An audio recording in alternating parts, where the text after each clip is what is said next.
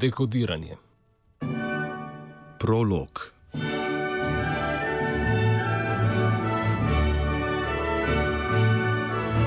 V začetku novembra se je v Torinu odvil simpozij projekta Decode. Organiziran je bil v ogromni hali bivše pražarne kave, večkrat imenovani kapelica, ki je odražala industrijsko moč Evrope, ki je presegla svojo potrebo po industriji doma.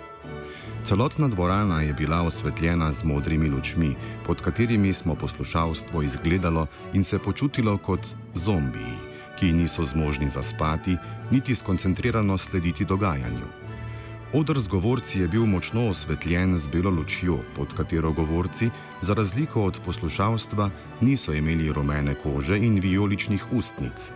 Ves čas so nas zalagali z neskončnimi količinami brezplačne fine kave, ki je pri energiji ohranjala naše zombijevstvo. Po tleh, med stoli občinstva, se je plazil šizofreni, hiperaktivno izmučen duh časa, ki je vsake toliko z donečim glasom kaj zakričal, vendar so ga le redki slišali, še redkejši pa poslušali. Prvo dejanje: Big Tech, Big Money, Thin State.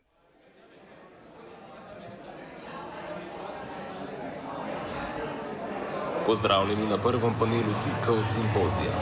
Z nami so teoretik Moro Zar, politik Fokača, multifunkcijska organizatorka Franska, nekdo, inovator in tehnošlogar Šateljer in filozof Jeff. Problem ni big data. Alternativa ni več majhnih baz podatkov, ampak big data, ki ne deluje po zakonih korporacij. Socialna demokracija je v krizi, trgi jo onemogočajo, kar onemogoča razvoj, kajti ljudje ne moremo delati v razmerah neenakosti, pomankanja socialne moči, ogroženosti zdravja in tako dalje. Artikulirati moramo agenda, kako naj digitalna tehnologija ustvari nove institucije in kako znotraj tega sistema reformirati socialno demokracijo. Politične oblasti se subtilno vmešavajo v razvoj in ga onemogočajo. V italijanskem parlamentu imamo občutek, da se bomo v prihodnosti morda morali obnašati kot korporacija. No, hm, tako ja, imamo različne nivoje akcije z različnimi cilji, ki vsi služijo višjemu cilju. Moramo začeti pri suverenosti informacij, zaupanju v informacije, ki naj bodo skupno dobro, preko kriptomenedžeriranja znotraj javne infrastrukture, ki bo onemogočala totalitarizem. In potem bomo videli, kako dalje. Ljudje ne bodo zaupali oblasti, zato bo ta morda morala biti decentralizirana. Moramo privesti kakšne privatnike, ker je to edina možnost, da javno deluje. Ne, neoliberalizem. Neoliberalizem. Strašna reč. Takole reducirati politiko na podjetje. Že, že, ampak posameznika je potrebno zaščititi, tako pred privatnim, kot tudi javnim sektorjem.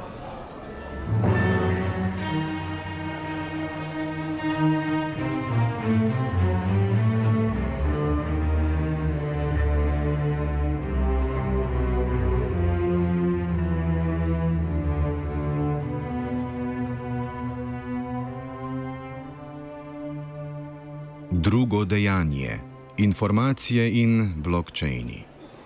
Na drugem panelu simpozija sodelujejo influencer internetnih pametnih naprav von Kranenburg, kolega in konkurent novinar Anton, skodran kriptoškrat, profesorica Marija, etična izvedenka Lorena, komisar prinašalec, ponovno bo z nami tudi šateljer.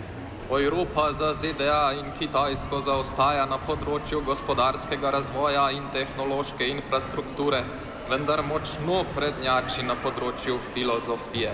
Zato bi Evropa lahko bila velik game changer na področju pomena, kajti velike IT multinacionalke bi se morale obrniti na nas, da vdahnemo pomen v njihovo tehnologijo. Mislim, Evropa je ful bolj kul cool glede hranjenja in uporabe informacij od naprimer Amerike, kjer imajo korporacije oblast nad informacijami in od recimo Kitajske, kjer vlada centralizacija. V Evropi se pa razvijalci obračajo k trgom. No, V Evropi ostane samo 4% informacij proizvedenih v Evropi. Vse ostalo obdelujejo velika podjetja. Dimenzija, ki mene zanima, je, kako prisiliti velika podjetja, da plačajo, ampak brez dvigovanja davkov, da ne ogrozimo razvoja, se razume? Informacija je izraz socialnih interakcij. Vsaka informacija ima socialno dimenzijo, ni samo sproducirana od nas iz nič, ampak je sredstvo uporabe svoje socialne moči. Tu naletimo na problem. Informacijam kot uh, inteligibilnim rečem ne moremo postaviti cene. Informacija kot kapital je problem. Lahko služi profitom, če tudi informacije morda niso tako donosne kot nafta, lahko pa služi javnemu dobremu. Od uvedbe GDPR-ja uporaba informacij lahko koristi javnega zbiranja mnen in na podlagi tega lahko izvajamo odločanje. Ampak regulacija informacij kot ene izmed dimenzij govora lahko uniči potencial komunikacije. Zaščita informacij ne sme biti na nivoju individualnih pravic, ampak na nivoju socialnih interakcij oziroma politike. Najboljši razvijalci smo itak zmožni nadomestiti velike ponudnike oblačnih storitev.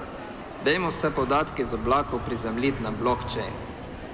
V razvijanju blokčejnov potrebujemo širok nabor sodelavcev, od oblasti in civilne družbe do industrije in razvijalcev.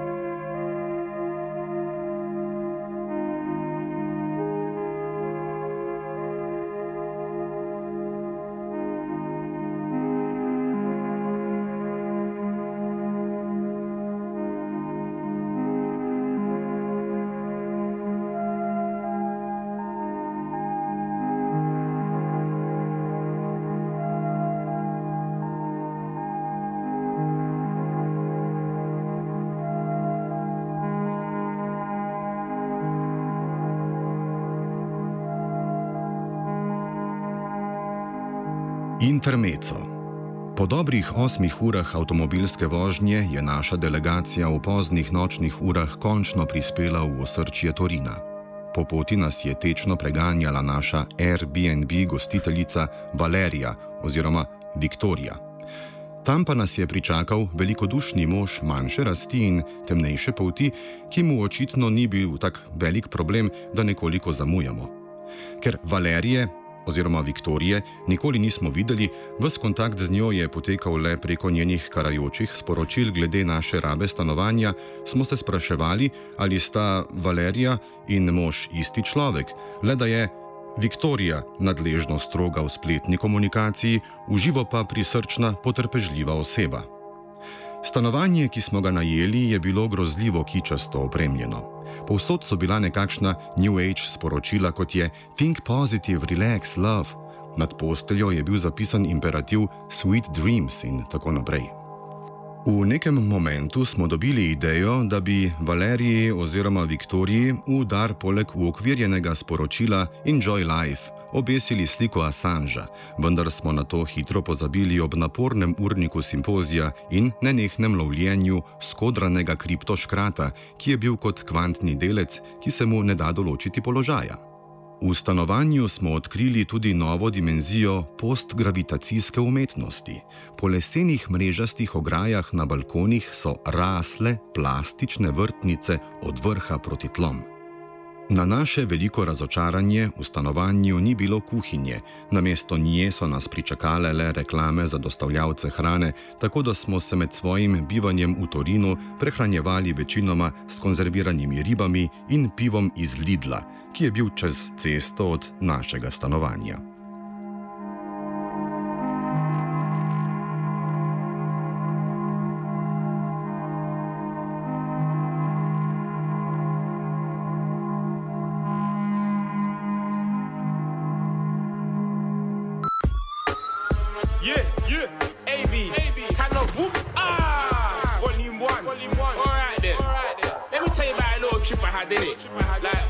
Was just going to in it, and this is how it went. Check it.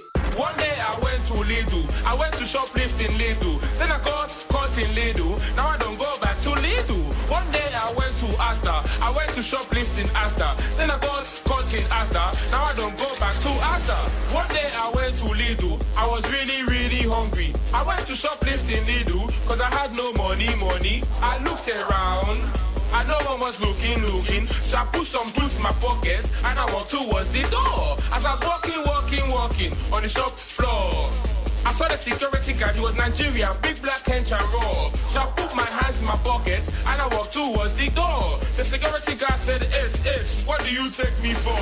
One day I went to Lidl, I went to shoplift in Lidl. Then I got caught in Lidl, now I don't go back to Lidl. One day I went to Asta. I went to shoplift in Asda. Then I got caught in Asta. now I don't go back to Asta. One day I went to Asta. my breath was really, really smelling. I went to shoplift in Asda, cause EMA didn't pay me. I put some chicken in my pocket and I tried to walk out of the door. The security guard said, Can I see what's in your pocket, please? So I emptied out my pocket on the shop floor. The security guard said, Hey mate, why did you take this for? So he took me up to his office and made me sign a contract. He even took a photo and told me never come back. One day I went to Lidl. I went to shoplift in Lidl. Then I got caught in Lidl. Now I don't go back to Lidl. One day I went to Asta. I went to shoplift in Asda. Then I got caught in Asta. Now I don't go back to Asta. One day I came to England without a real passport. I got past immigration without getting caught. Now I'm in England. I must go secondary school. I am 19, but I lied and said I am 14. So I'm in year 9 and I am doing my stats. I love to eat chicken and chips and let nights go on MSN.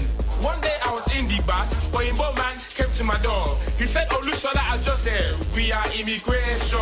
One day I went to Lidl. I went to shoplift in Lidl. Then I got caught in Lidl. Now I don't go back to Lidl. One day I went to Asda. I went to shoplift in Asda. Then I got caught in Asda. Now I don't go back to Asda.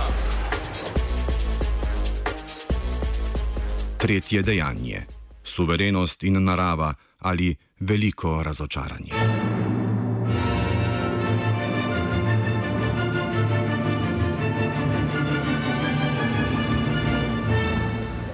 V zadnjem panelu bosta svoje poglede predstavila muzikant Bino in makroekonomistka Peti Fora. Jaz poznam ogromno ljudi, tudi zelo premožnih. In mi je jasno, da dan danes pa res nihče več ne dela za denar. Milijonarji so ubogi, ker jim je denar pomemben. Občinstvo je ta izjava navdušila in Beno je dobil dolg aplaus za izgovorjeno. Duh časa pa se je spraševal, kje za vraga se je znašel. Med samimi elitisti, ki delajo za svojo meščansko dušo in ne za materialne pogoje svojega življenja, Ljudje pozabljamo na dimenzijo igre v svojih življenjih in to uničuje naše potencijale kreativnosti. Tehnika zahteva kontrolo nad okoliščinami in zavedanje celote pravil. V umetnosti pa je obratno, biti izgubljen je super in to te vrže v nov svet. Umetnost je univerzalna. V umetnosti se pripravljamo na nove svetove. Big Tech in Big Money določajo okuse in delujejo v sferi onkraj družbenih pravil. Delujejo neodvisno od demokracije. Ločitev teh dveh sektorjev, torej družbe in gospodarstva, je kriva za katastrofo, ki prihaja.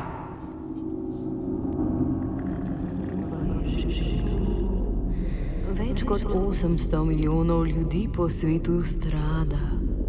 Tako velikega izumrtja rastlinskih in živalskih vrst, kot smo mu priča v zadnjem desetletju, ni bilo od zadnje ledene dobe. Ali stradajoči polarni medvedje slutijo katastrofo, ki prihaja? Ali žrtve vseh vojen zadnjega stoletja čakajo na katastrofo? Ne, samo vi, tu, ki pijete brezplačno kavo, živite v mehurčku, zaščitenem od dogajanja po vsem svetu in debatirate o katastrofi, pred katero mislite, da ste zaščiteni. Fuj! Fuj, fuj, kaj pa vsa trpeča narava, kaj pa cela armada služnjev po svetu, katerih delo polni vaše oči. Mislim, sužnje lastništvo je pa se, moji dve hčeri sta vegetarijanki. Aktivisti mislijo le individualno in znotraj svojih majhnih skupnosti, v smislu recikliranja in takšnih reči. Ne mislijo pa družbeno, celostno. Green New Deal pa je ravno to: povezava ekonomije in politike, zaustavitev ekonomije in vrnitev soverenosti državam. Naj temu dodam, da se moramo povrniti v katedralno mišljenje, moramo misliti širše od svojih individualnih potreb. Mene so navdušili Kenici, kjer ima vsak svoj agregat in jih nosijo sabo, da ne bi bili v nadlogo drugim in porabljali nafte iz tujih agregatov. Mislim, mene je pa kontaktirala kitajska vlada, zelo zainteresirana za moj NGO projekt Stranka Zemlje. Če tudi sem jim skušal razložiti, da to ni v njihovem interesu, saj moj NGO sproža pravne postopke proti vladam zaradi onesnaževanja okolja, vseeno so me prosili za 380 kopij moje četice mladih pravnih vojščakov. Tako sem deloval kot ombudsman med kitajsko vlado in zatiranim kitajskim ljudstvom.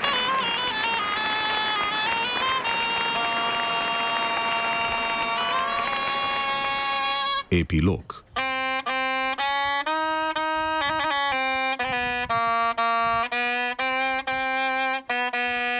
Duhu časa je ob tem prekipelo.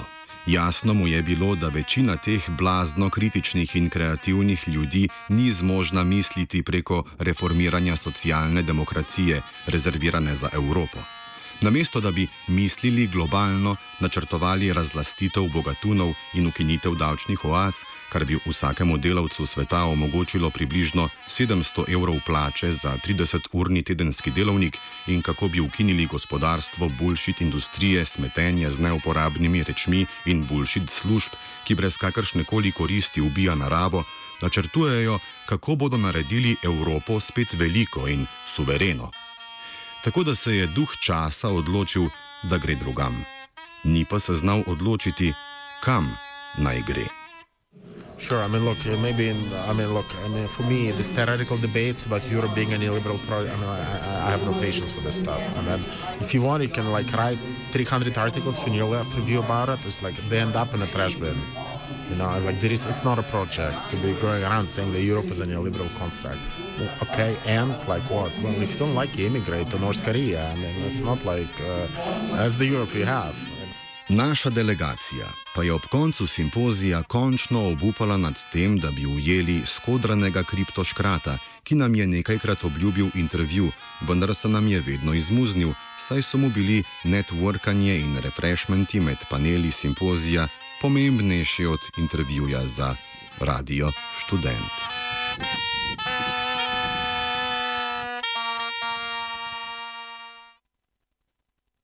Poslušali ste radijsko igro z naslovom Dekodiranje avtorice Nataše Mrzel. Vloge so odigrali Matija Drobne Maco, Špela Setničar, Jan Medved Medo, Lijo Noveli, Juri Podgoršek in Nataša Mrzel. Tehniciral je Luka Cvetko. Jaz sem